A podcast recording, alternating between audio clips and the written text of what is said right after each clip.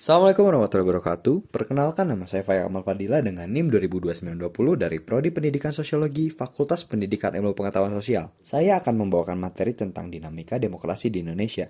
Demokrasi. Demokrasi merupakan sebuah bentuk pemerintahan di mana warganya mendapatkan hak yang sama rata dalam pengambilan keputusan yang bisa mengubah hidup mereka. Bentuk pemerintahan ini mencakup pola kondisi sosial, ekonomi, dan budaya, sehingga memungkinkan terjadinya praktik kebebasan politik secara rata, setara, dan juga bebas. Makna dari yang terkandung dalam demokrasi adalah menghargai harkat dan martabat manusia. Selanjutnya adalah prinsip demokrasi. Ada tujuh buah prinsip demokrasi yang pertama adalah negara berdasarkan konstitusi, kedua peradilan tidak memihak dan bebas, ketiga kebebasan berpendapat dan berserikat, yang keempat pergantian pemerintahan secara berkala, yang kelima penegakan hukum dan kedudukan tiap rakyat sama di mata hukum, yang keenam jaminan hak asasi manusia dan yang terakhir adalah kebebasan pers. Ada pula ciri-ciri demokrasi, yang pertama keputusan pemerintah didasarkan aspirasi warga negara, yang kedua menerapkan ciri-ciri konstitusional, yang ketiga memiliki perwakilan rakyat, yang keempat menyelenggarakan pemilu, yang kelima terdapat sistem kepartaian. Demokrasi berdasarkan penyaluran kehendak rakyat adalah sebagai berikut.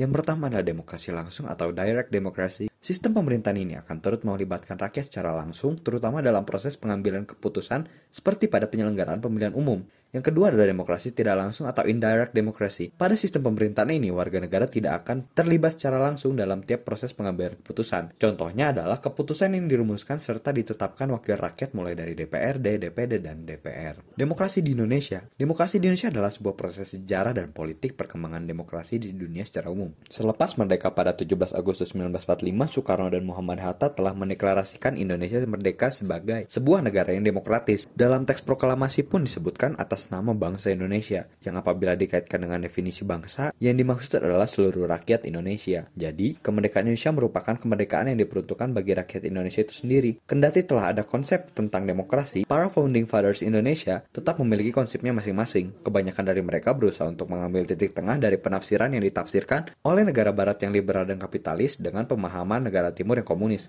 masuk ke masa demokrasi parlementer. Era demokrasi parlementer di Indonesia juga sering kali disebut sebagai era demokrasi konstitusional. Munculnya sistem parlementer di Indonesia karena jatuhnya kabinet presidensial pertama pada 14 November 1945 yang disebabkan oleh keluarnya maklumat wakil presiden nomor 10 garis miring 1945 pada 16 Oktober 1945 dan diikuti kemudian oleh maklumat pemerintah pada 3 November 1945 yang berisi tentang seruan untuk mendirikan partai-partai politik di Indonesia. Masuk ke masa berikutnya yaitu demokrasi terpimpin. Setelah berakhirnya era demokrasi parlementer, Indonesia mulai memasuki fase demokrasi lainnya yaitu demokrasi terpimpin. Demokrasi terpimpin dimulai saat Presiden Soekarno mengeluarkan dekret Presiden 5 Juli 1959. Tetapi sebelum dekret Presiden diumumkan, demokrasi parlementer atau demokrasi konstitusional masih bertahan dengan adanya pembentukan sebuah kabinet transisi yang dipimpin oleh Insinyur Juanda atau yang sering disebut dengan Kabinet Juanda. Kabinet Juanda ini berisi orang-orang yang bukan dari koalisi dominan partai di parlemen. Maka sering kali Kabinet Juanda disebut juga sebagai Kabinet Ekstra Parlemen. Kabinet ini terhitung mulai bekerja sejak 9 April 1957 sampai 10 Juli 1959. Demokrasi Pancasila Era demokrasi Pancasila diawali dengan suatu peristiwa sejarah yang sangat kelam bagi Indonesia, yaitu gerakan G30 SPKI atau sering juga disebut sebagai gerakan 30 September Partai Komunis Indonesia. Pemberontakan G30 SPKI terjadi antara 30 September dan juga 1 Oktober 1965. Soekarno lebih suka menyebutnya Gestok, gerakan 1 Oktober, sementara Soeharto lebih suka menyebutnya Gestapu, gerakan September 30.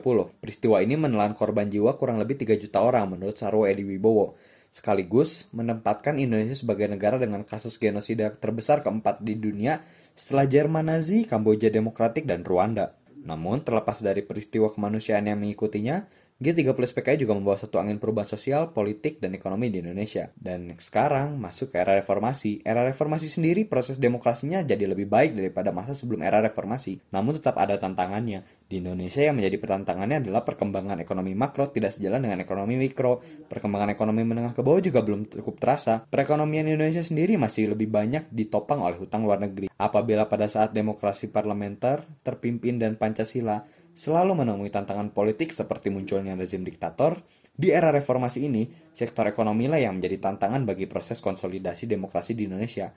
Sekian pemaparan saya mengenai dinamika demokrasi di Indonesia. Terima kasih kepada dosen pengampu mata kuliah pendidikan kewarganegaraan, Bapak Profesor Dasim Budimansyah MSI, Bapak Supriyono MPD, Bapak Abdul Aziz MPD, dan Ibu Rika Sartika MPD.